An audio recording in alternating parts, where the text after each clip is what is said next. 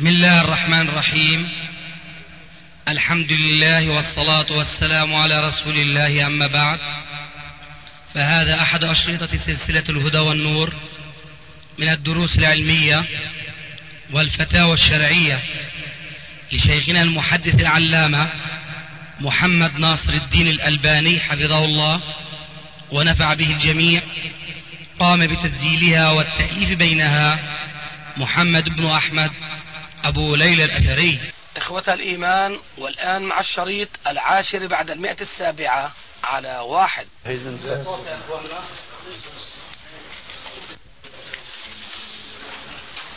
إن الحمد لله نحمده ونستعينه ونستغفره ونعوذ بالله من شرور أنفسنا ومن سيئات أعمالنا.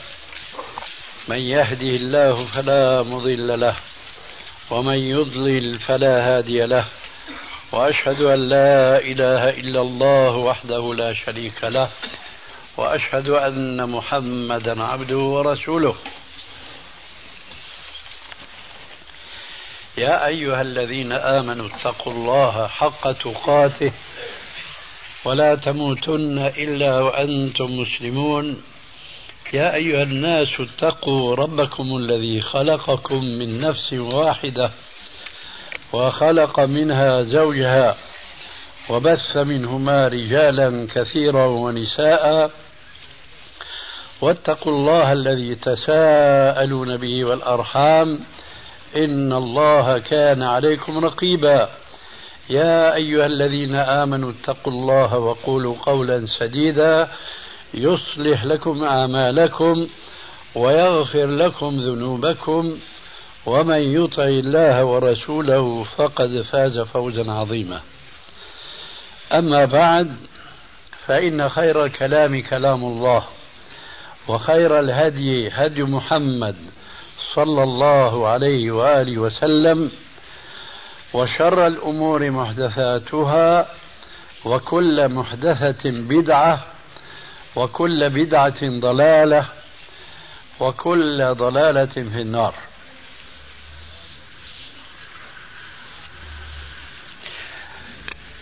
كلمتي في هذه الليلة الطيبة إن شاء الله والمباركة في كلمتين خفيفتين قصيرتين جدا لكنهما يجمعان الإسلام كله. هما ألا نعبد إلا الله وهذا كلكم تعرفونه. مع غفلة عن كثير من حقائق هذه العبادة أما الأخرى فكثير من الناس لا يعلمونها وهي بعد أن قلنا في الكلمة الأولى ألا نعبد إلا الله. أما الكلمة الأخرى ألا ألا نعبده إلا بما شرع الله.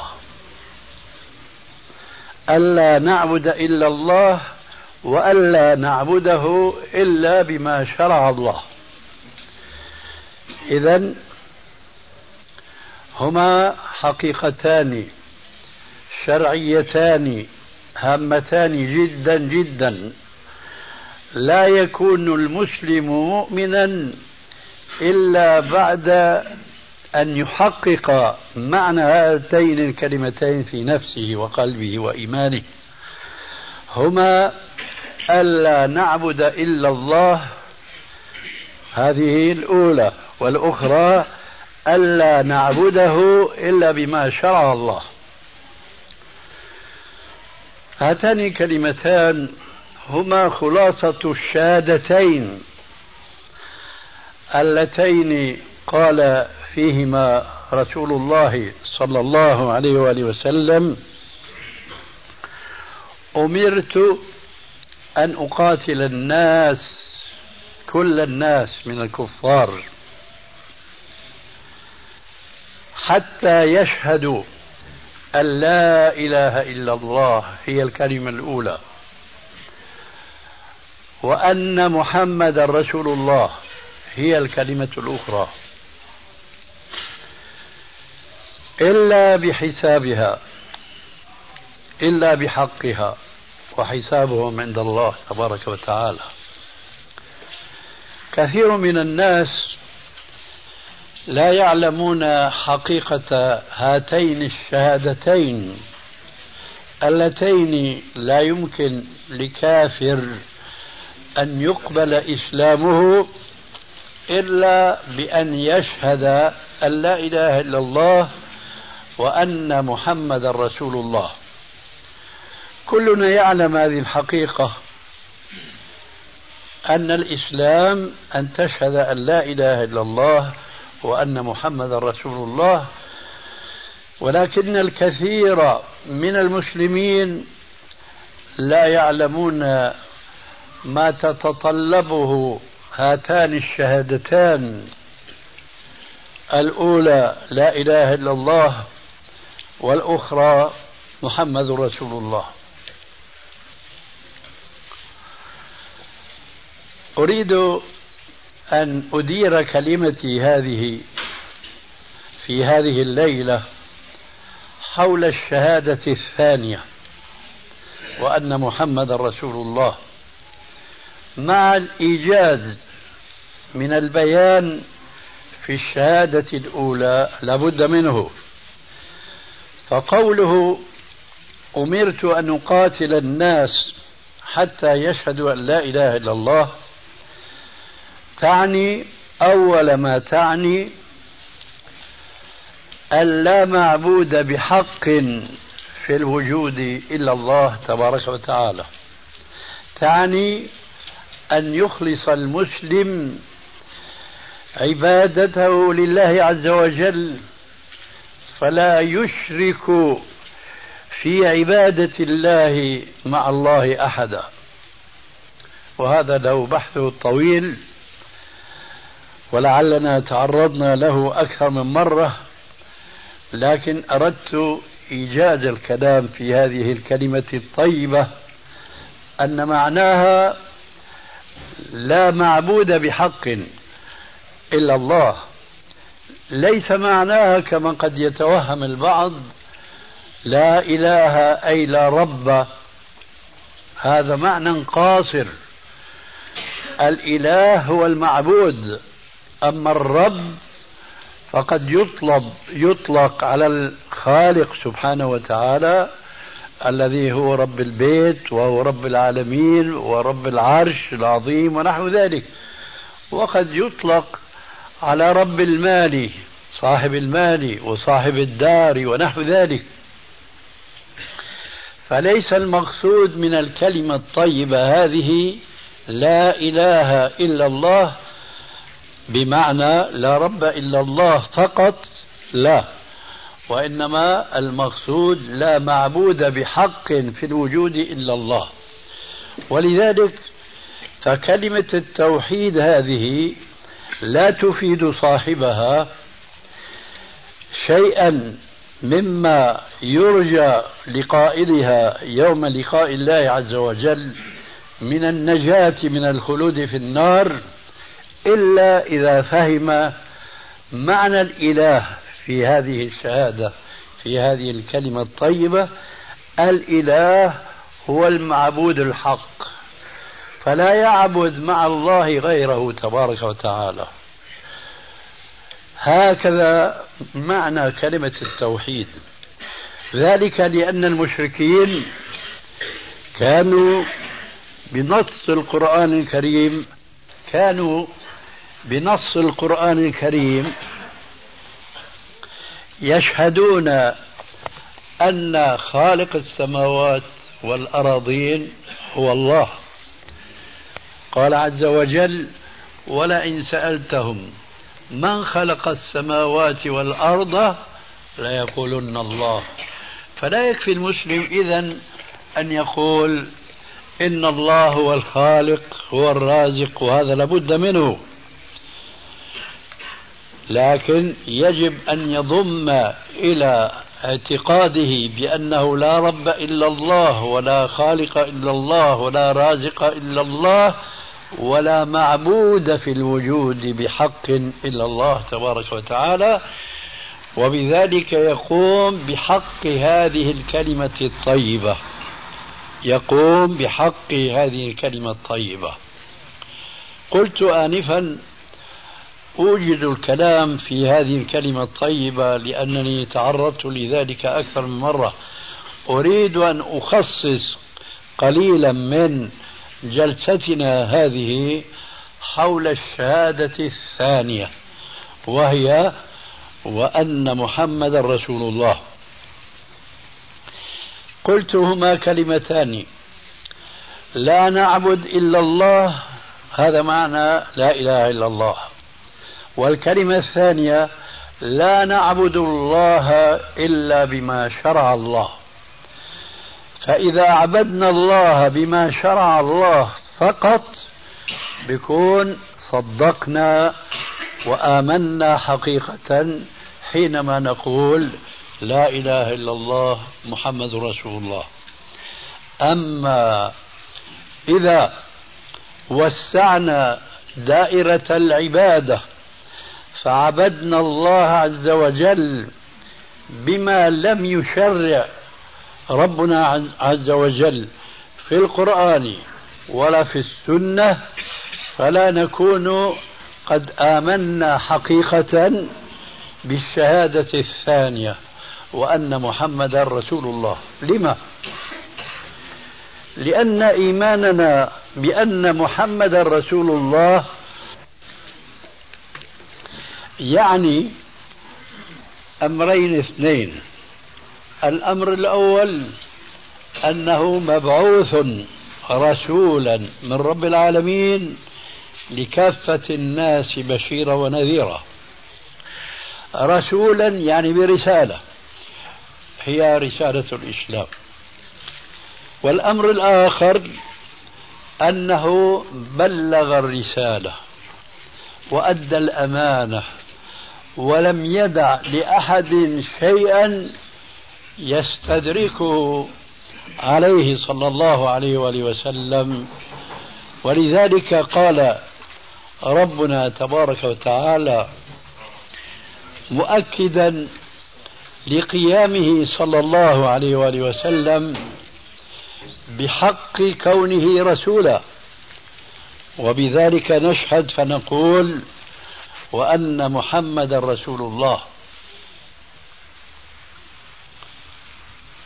في شيء؟ وقد نزلت آية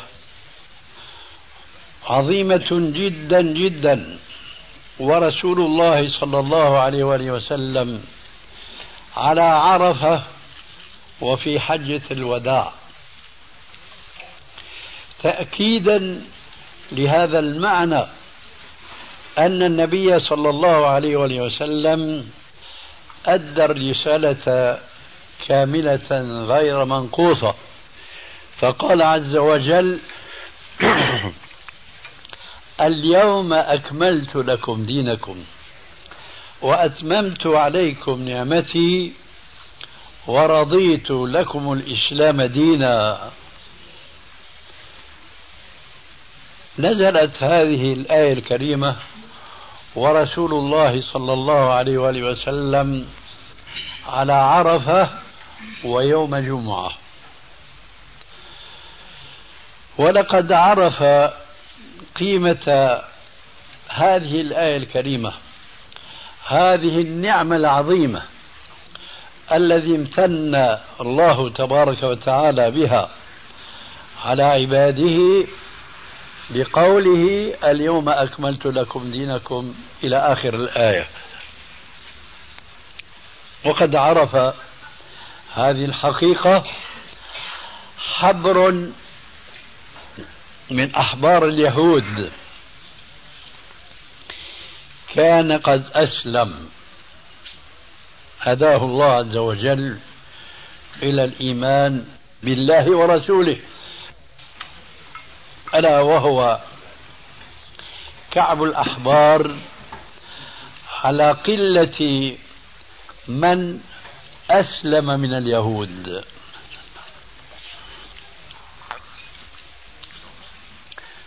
فلما عرف مما درس من كتاب الله هذه الآية الكريمة جاء إلى عمر بن الخطاب.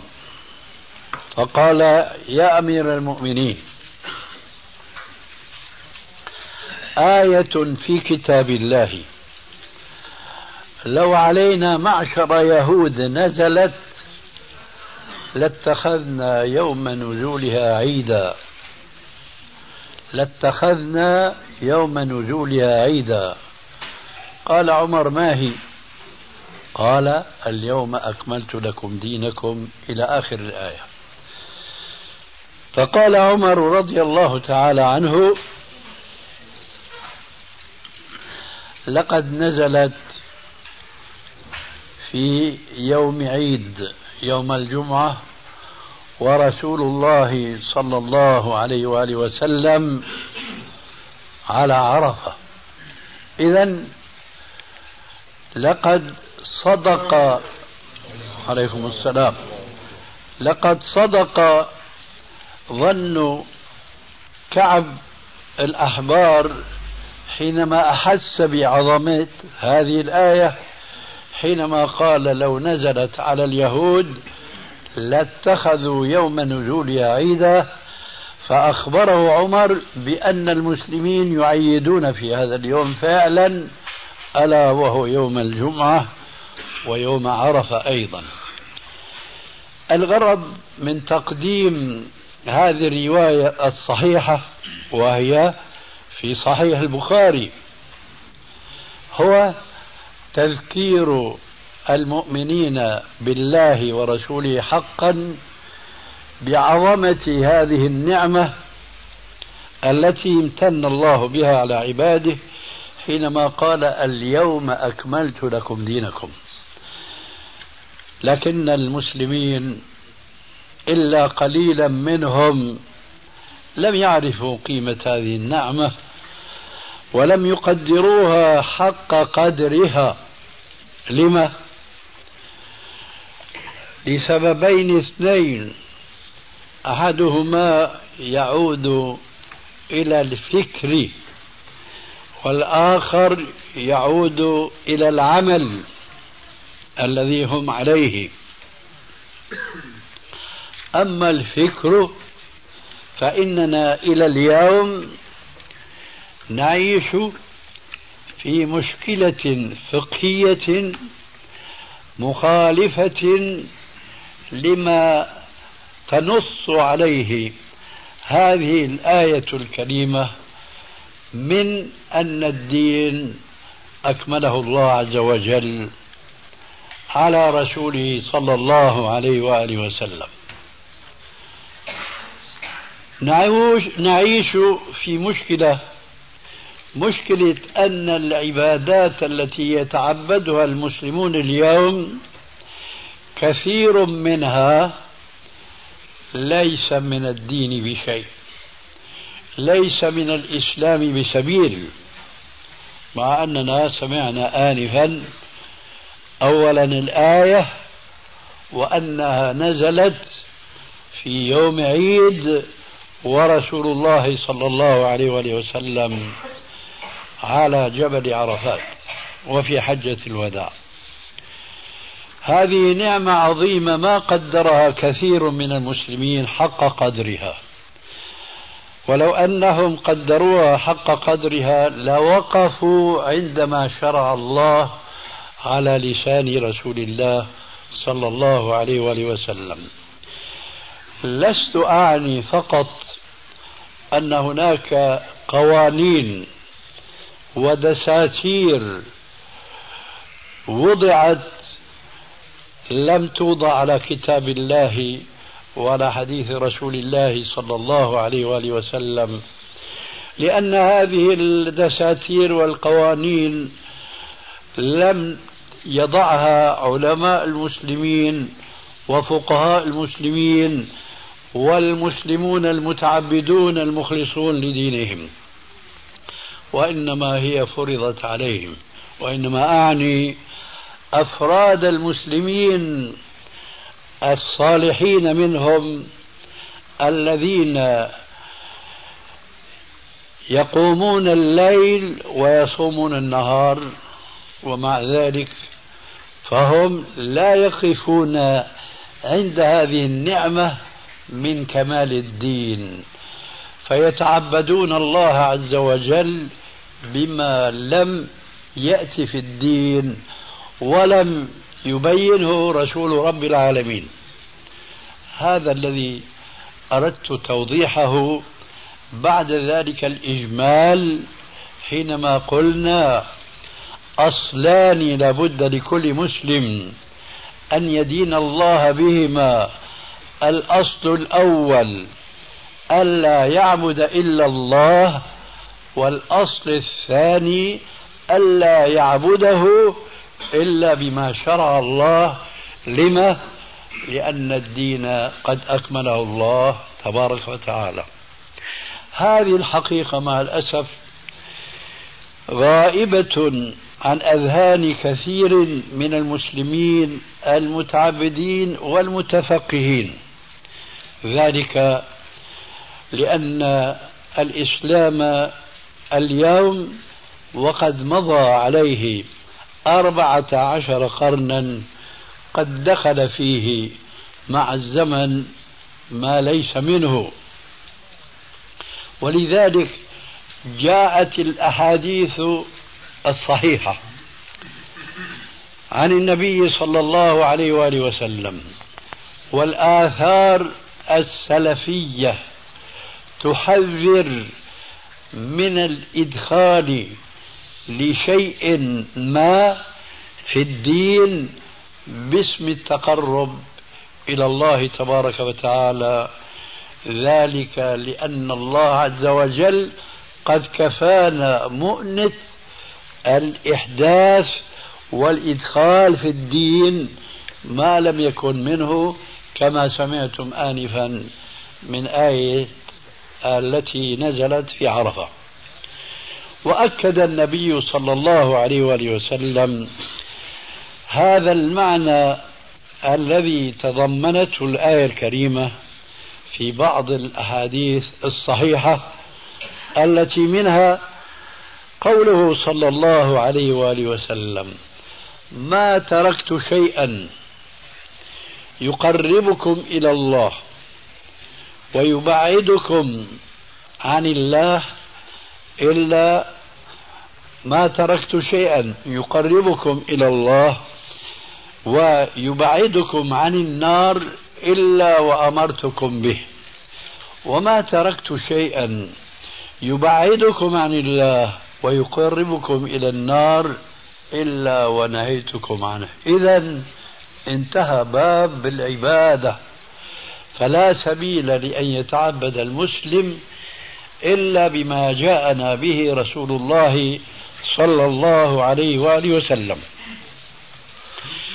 من أجل هذا جاءت الأحاديث الكثيرة والكثيرة جدا وكذلك الآثار عن الصحابة والسلف الصالح تنهى المسلمين من الإحداث في الدين. تنهاهم نهيا مطلقا دون أن يدخل هذا النهي شيء من التخصيص أو التقييد. وبعض هذه الأحاديث معروفة ولكن قل من يقف عند دلالتها العامة. فآنفا افتتحت كلمتي هذه بخطبة الحاجة التي كان رسول الله صلى الله عليه وآله وسلم يفتتح بها خطبه. وفيها خير الكلام كلام الله وخير الهدي هدي محمد صلى الله عليه وآله وسلم وشر الأمور محدثاتها وكل محدثة بدعة وكل بدعة ضلالة وكل ضلاله في النار. هذه الكلية كل محدثة بدعة وكل بدعة ضلالة وكل ضلالة في النار. لا يجوز لمسلم يؤمن بالله ورسوله حقا أن يعارض هذه الكلية وأن يقول لا ليست كل بدعة ضلالة أو ليس كل بدعة ضلالة. كيف يقول هذا مسلم يؤمن بالله ورسوله حقا يعارضه ويشاققه ويشاكسه هو يقول كل بدعة ضلالة ثم هكذا يقول رسول الله ثم هناك من يقول لا البدعة تنقسم إلى قسمين. بدعة حسنة وبدعة سيئة. هذه قسمة ضيزة يجب على كل مسلم ألا يؤمن بها لأنها تنافي إيمانه بقول نبينا صلوات الله وسلامه عليه كل بدعة ضلالة وكل ضلالة في النار. عجب جدا أن يوجد في بعض المسلمين من يشاقق الرسول في هذه الكلمة هو يقول كل بدعة ضلالة وذاك المسلم يقول هناك البدعة تنقسم إلى قسمين حسنة وسيئة. ماذا يقال في من يقول في حديث رسول عليه السلام آخر فيه مثل هذه الكلية؟ قال صلى الله عليه وآله وسلم كل مسكر خمر وكل خمر حرام. هل يعقل أن يقول مسلم هذا الكلام مقسوم إلى قسمين؟ ليس كل مسكر خمر بل منه ما هو خمر ومنه ما ليس بخمر. هذا لا يتصور أن يصدر من مسلم إلا سهوا إلا خطأ هذا ممكن. أما أن يصبح شريعة مستمرة في أذهان المسلمين بل وأكثر المسلمين بسبب زلة وقع فيها عالم فهنا تكمن المشكلة. ممكن أن يقول قائل خطأ وسهوا ما يخالف القرآن والسنة. ولكن لا يمكن أن تصبح هذه المخالفة شريعة وعبادة مستمرة طيلة هذه السنين الطويلة. فمن يقول في قوله عليه السلام كل بدعة ضلالة ليس كل بدعة ضلالة وإنما هي بدعة حسنة وبدعة سيئة مثله من يقول في قوله عليه السلام الآخر كل مسكر خمر. فيقول ذلك الذي قسم البدع إلى قسمين. أيضا يقول ليس كل مسكر خمر وإنما منه ما هو خمر ومنه ما ليس بخمر.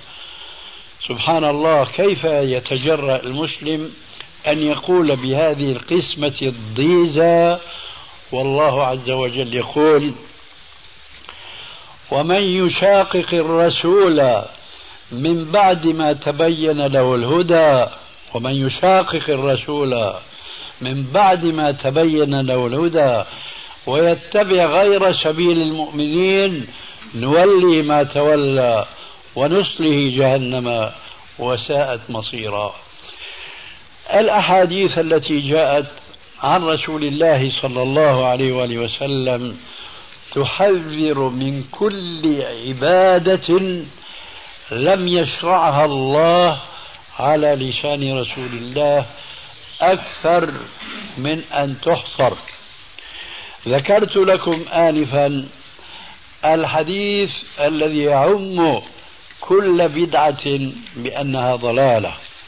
والآن أذكركم بحديث آخر. هي وصية الحبيب صلى الله عليه وآله وسلم لأصحابه في موعظة وعظ بها أصحابه عليه الصلاة والسلام. كما قال لعرباض ابن سارية رضي الله تعالى عنه وهو كان من فقراء الصحابة الذين كانوا يأوون إلى الصفة لا هم لهم إلا صحبة النبي صلى الله عليه وآله وسلم والاستفادة من علمه عليه الصلاة والسلام. قال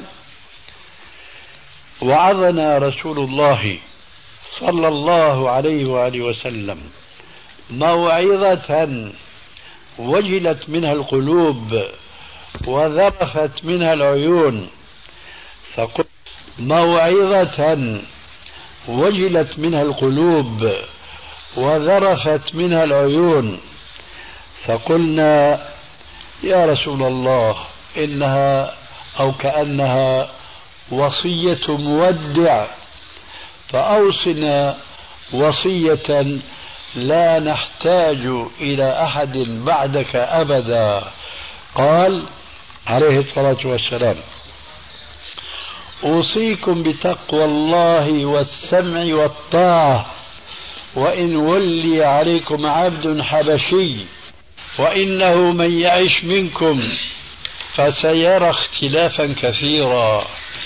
فعليكم بسنتي وسنة الخلفاء الراشدين المهديين من بعدي عضوا عليها بالنواجذ. وإياكم ومحدثات الأمور فإن كل محدثة بدعة. هذه أيضا كلية.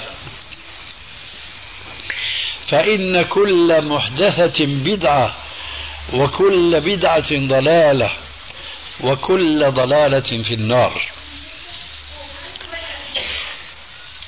ثم جاءت أحاديث النبي صلى الله عليه وآله وسلم الأخرى بألفاظ تختلف عن لفظ الكل لكنها تؤيد معنى الكل المذكور في هذا الحديث وفيما قبله.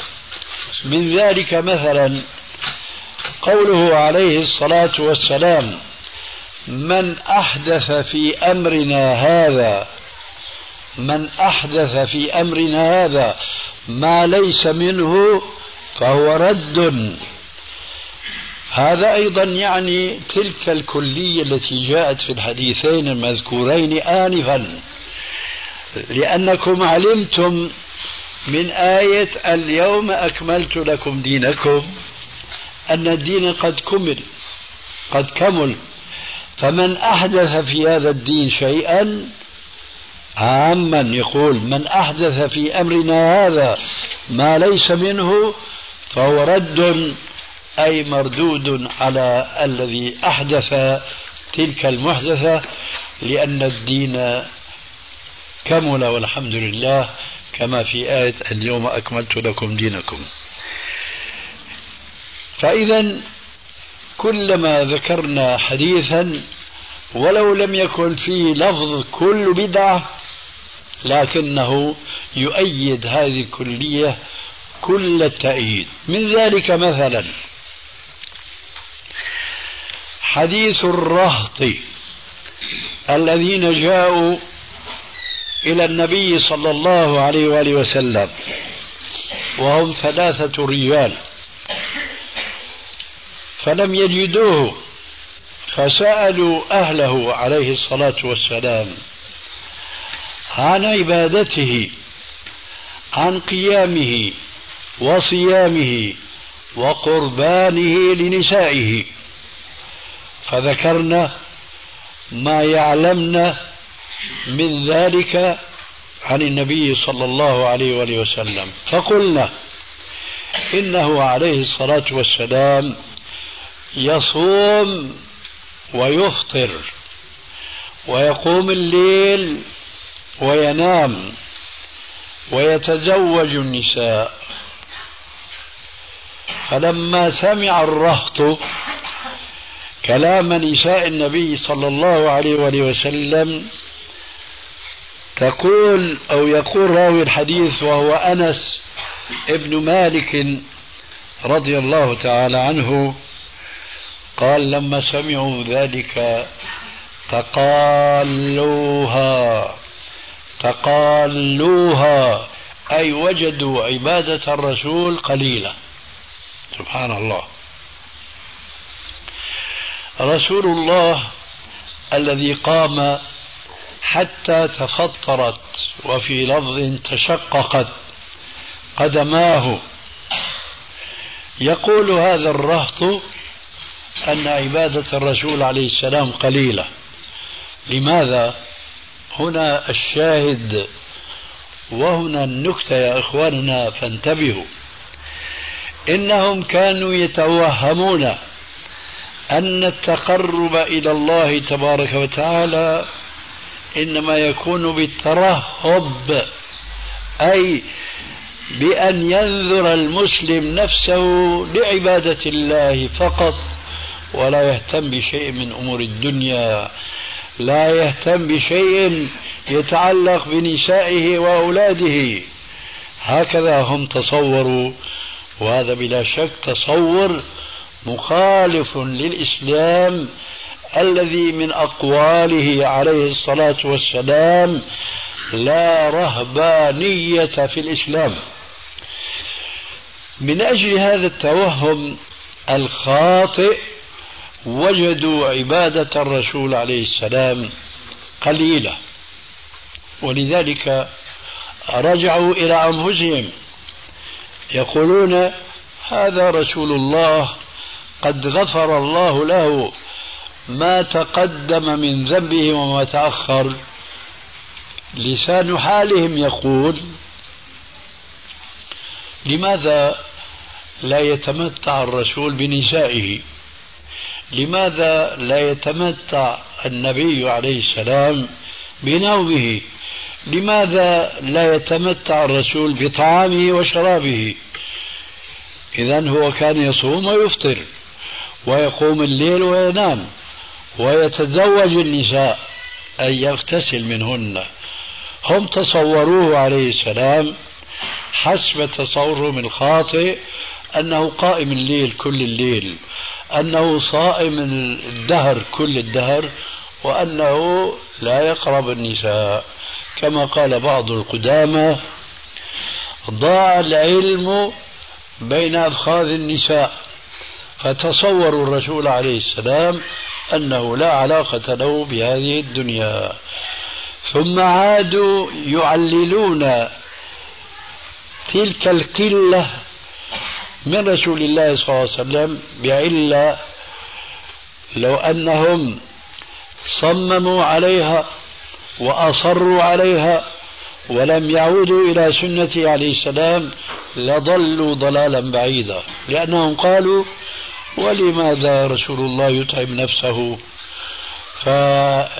فيصلي الليل كله ويصوم؟ لا ما في حاجة. الله غفر له وكما يقال في بعض البلاد حط رجليه بالمي الباردة واستراح هذا طعن طعن في عبادة الرسول عليه السلام.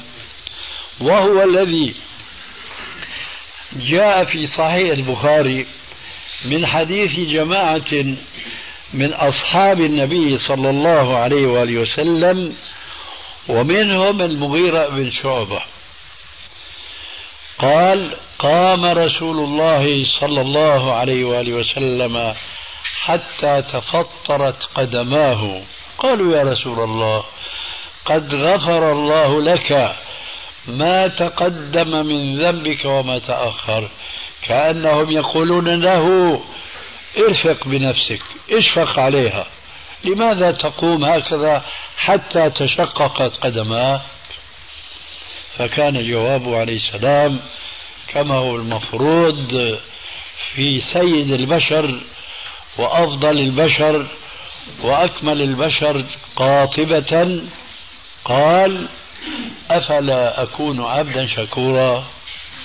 أفلا أكون عبدا شكورا؟ اذا رسول الله صلى الله عليه وآله وسلم حينما نسبه ذلك الرهط إلى الإقلال في العبادة كانوا مخطئين كل الخطأ. كانوا متوهمين لأنه كانوا أو لأنهم كانوا يحملون في فكرهم الرهبانية التي ليست من الإسلام. بناء على ذلك الوهم القائم في أذهانهم وبعد أن عللوا قلة عبادة نبيهم أن الله غفر له انتهى الأمر.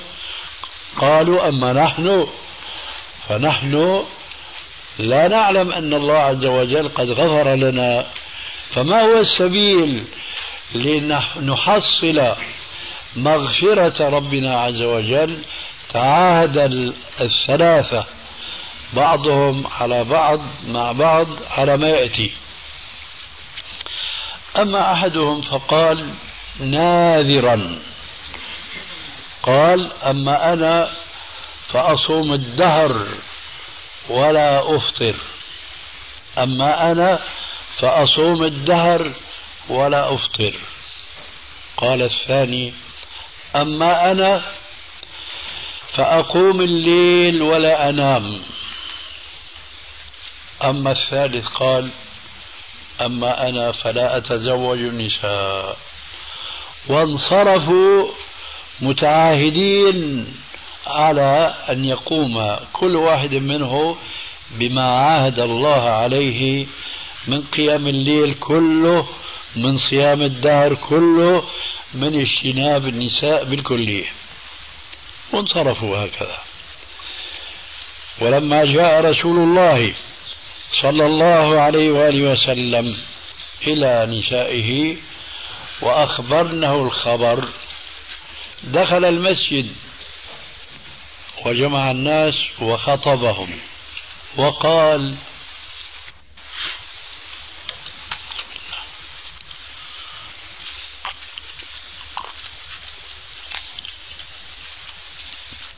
قال عليه الصلاة والسلام ما بال أقوام يقولون كذا وكذا وكذا. يعني ثلاث أقوال عرفتموها فلا حاجة لإعادتها. لكن الشاهد فيما يأتي أما إني أتقاكم لله وأخشاكم لله أما إني أصوم وأفطر وأقوم الليل وأنام وأتزوج النساء فمن رغب عن سنتي فليس مني. الشاهد من هذا الحديث كله الجملة الأخيرة بعد أن عرفتم سبب ورودها. هذه الجملة الأخيرة مع الأسف أكثر المسلمين المتعبدين. لا أعني الزاهدين في عبادة الرسول عليه السلام والمعرضين عنها بالكلية. إنما أعني الزاهدين المتعبدين الراغبين في الآخرة. قال في خاتمة الحديث فمن رغب عن سنتي فليس مني. انتهى الحديث وأخرجه البخاري ومسلم في صحيحيهما. أريد أن أقف قليلا معكم عند قوله سنتي. فمن رغب عن سنتي فليس مني.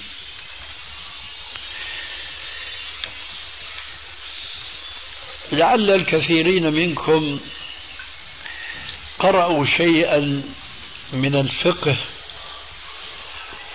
على أي مذهب من المذاهب الأربعة المتبعة من جماهير المسلمين أهل السنة والجماعة ويقرؤون في هذه الكتب تقسيم العبادات إلى أقسام منها فرض ومنها سنة. ولا أزيد على هذا لأنه هنا الشاهد. ويعرفون السنة من حيث ثوابها ومن حيث حكم تاركها بأن من فعلها أثيب عليها دون ثواب الفريضة ومن تركها لا يعاقب عليها.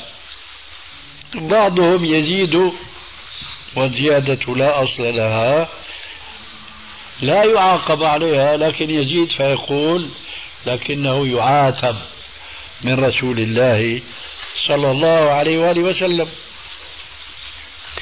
هذه زيادة وهي قول بعضهم أن من ترك سنة من سنن النبي صلى الله عليه وآله وسلم التي هي ليست بفريضة ولا هي أيضا بواجبة بالنسبة لرأي الحنفية الذين يفرقون بين الفرض والواجب.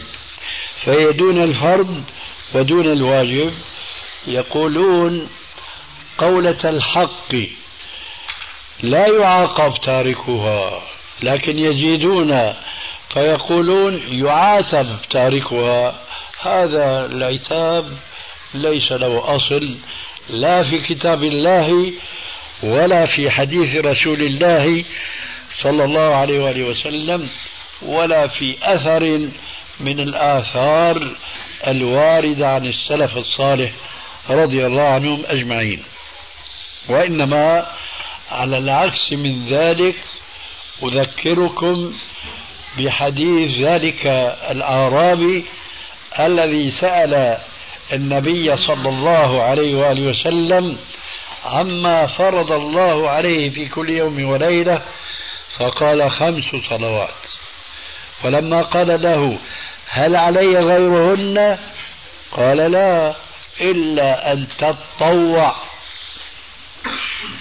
فقال عليه الصلاة والسلام أفلح الرجل إن صدق دخل الجنة إن صدق. فأين هذا العتاب المدعى؟ هذه كلمة كما يقال على الماشي لكن الذي أريد أن أدندن حوله هو هل السنة في هذا الحديث المتفق عليه. هو بمعنى السنة التي ليست بفريضة ولا واجبة؟ الجواب لا. هذا اصطلاح اصطلح الفقهاء ولا مشاحة كما يقول العلماء في الاصطلاح. اصطلحوا في سبيل بيان الأحكام وتوضيحها للناس فقسموا الأحكام إلى خمسة قسموا العبادات أو الأحكام إلى خمسة. فقالوا فرض وقالوا سنة وقالوا مستحب ونحو ذلك. ليس المقصود في قوله عليه السلام فمن ترك فمن رغب عن سنتي فليس مني. ليس المقصود بالسنة في هذا الحديث الصحيح هي السنة المصطلح عليها وهي التي دون الفرض وإنما المقصود بهذه السنة في الحديث الصحيح الطريق والمنهج والشريعة التي سار عليها الرسول عليه الصلاة والسلام بما فيها من أحكام حتى المباح. آخر حكم من أحكام الخمسة المباح. فكما لا يجوز لمسلم أن يحرم ما أباح الله كذلك لا يجوز لمسلم أن يحلل ما حرم الله. كذلك لا يجوز لمسلم أن يشرع للناس فيقول لهم هذه سنة أو أن يقول لهم وهنا بيت القصيد هذه سنة أو بدعة حسنة. لا يجوز أن يقول هذا الكلام لما سبق بيانه أن النبي صلى الله عليه وآله وسلم ذم البدعة الدينية. وأرجو أن تنتبهوا لهذا القيد لأن كثيرا من الناس الغافلين أو الجاهلين حينما يقال لهم هذه بدعة فلا تفعلها يقول إيه اللي لابسه أنت كله بدعة. هل راكب سيارة هي بدعة؟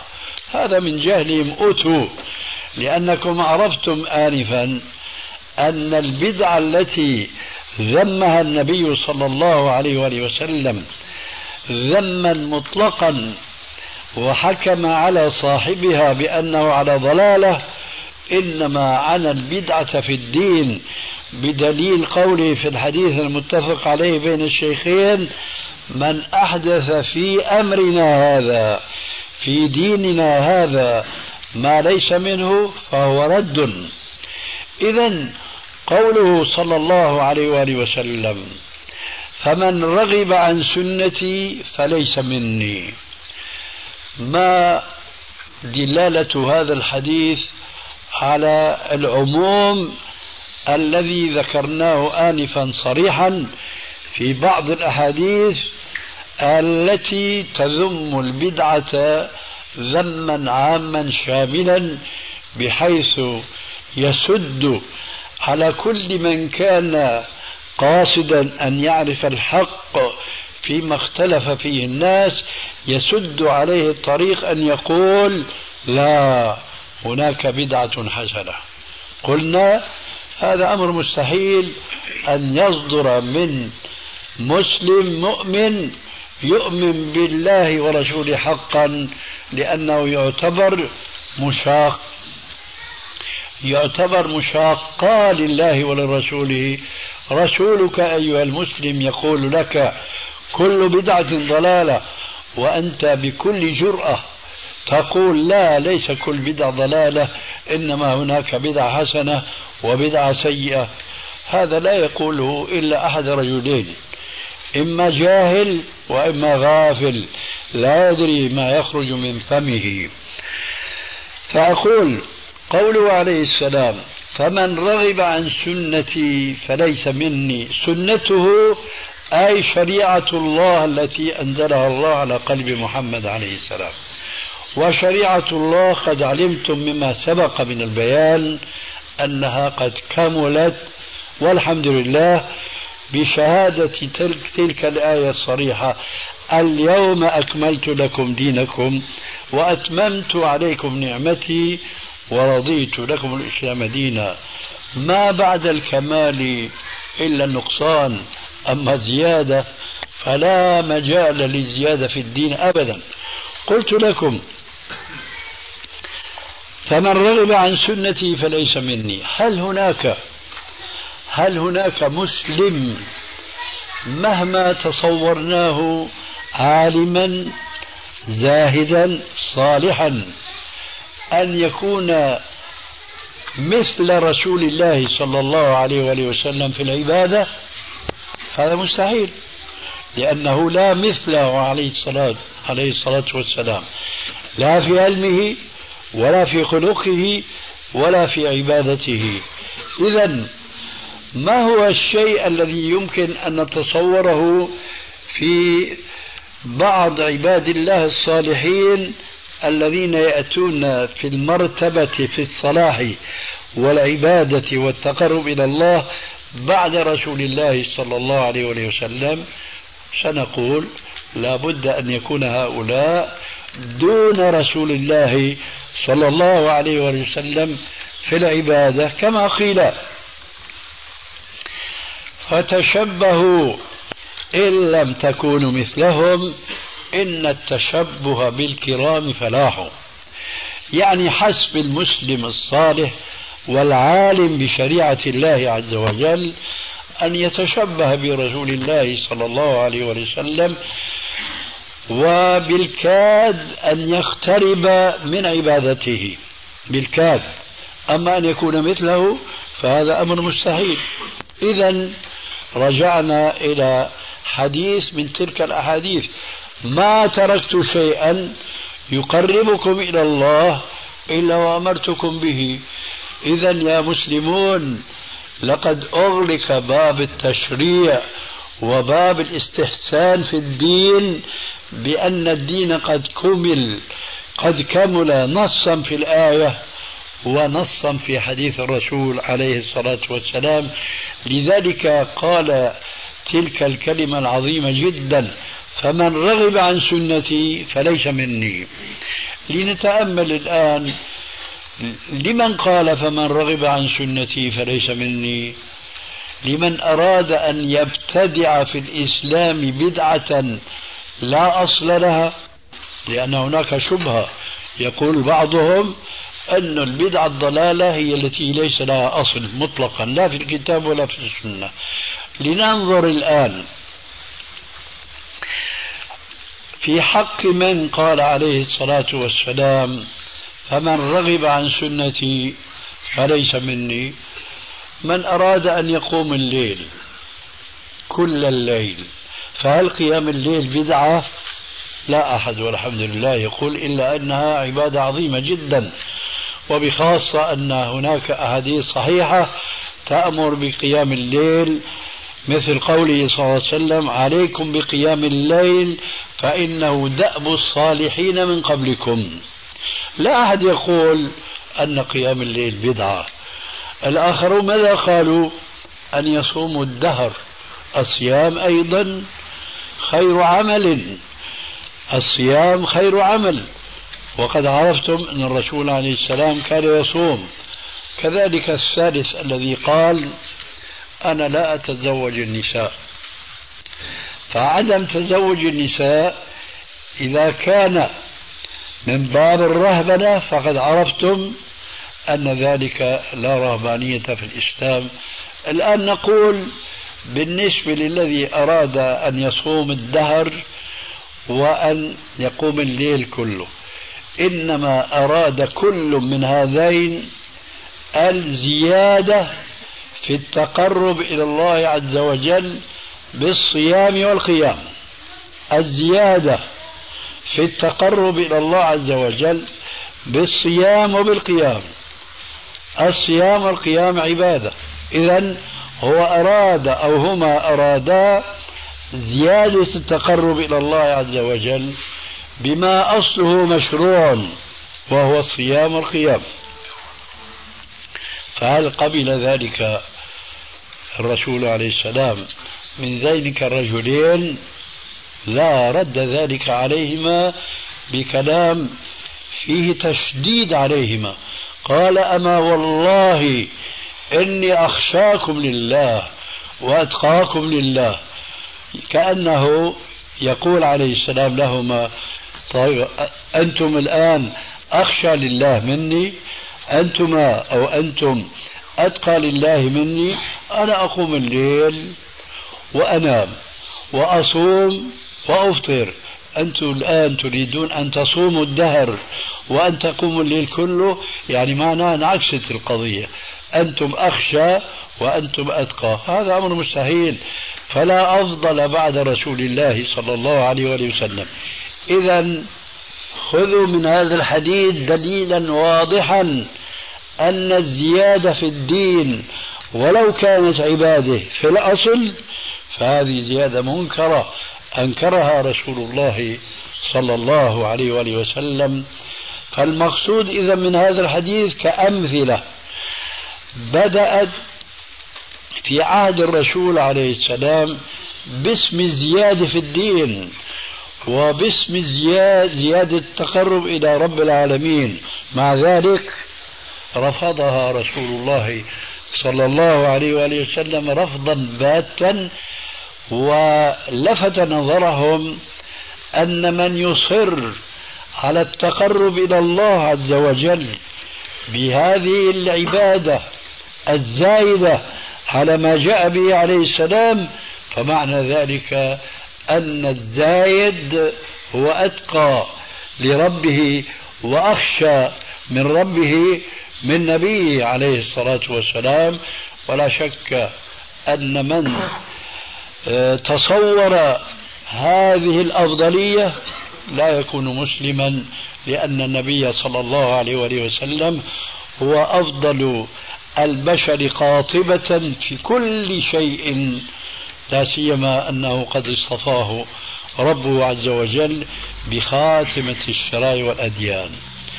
على هذا النموذج وعلى هذا النهج جاءت أقوال السلف الصالح تلتقي في ذم البدعة التي يراد بها زيادة التقرب إلى الله تبارك وتعالى.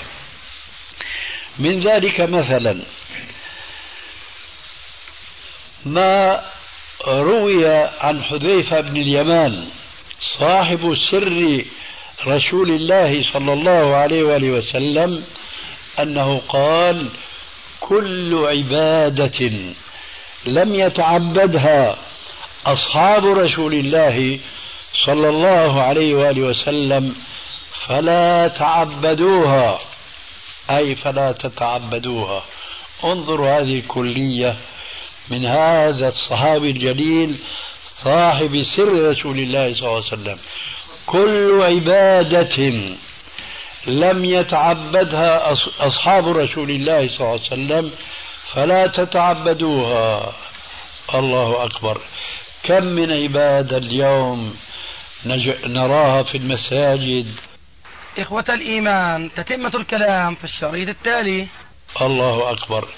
كم من عبادة اليوم نراها في المساجد وفي البيوت يريدون أن يزدادوا بها قربا إلى الله عز وجل وهم يعلمون أن النبي صلى الله عليه وسلم لم يفعلها أن السلف الصالح لم يفعلها أن الأئمة كل الأئمة وعلى رأسهم الأربعة لم يفعلوها. ما هو جوابهم؟ يا أخي شو فيها؟ هاي زيادة خير خير. كلمة عامية يقولونها زيادة خير خير. مع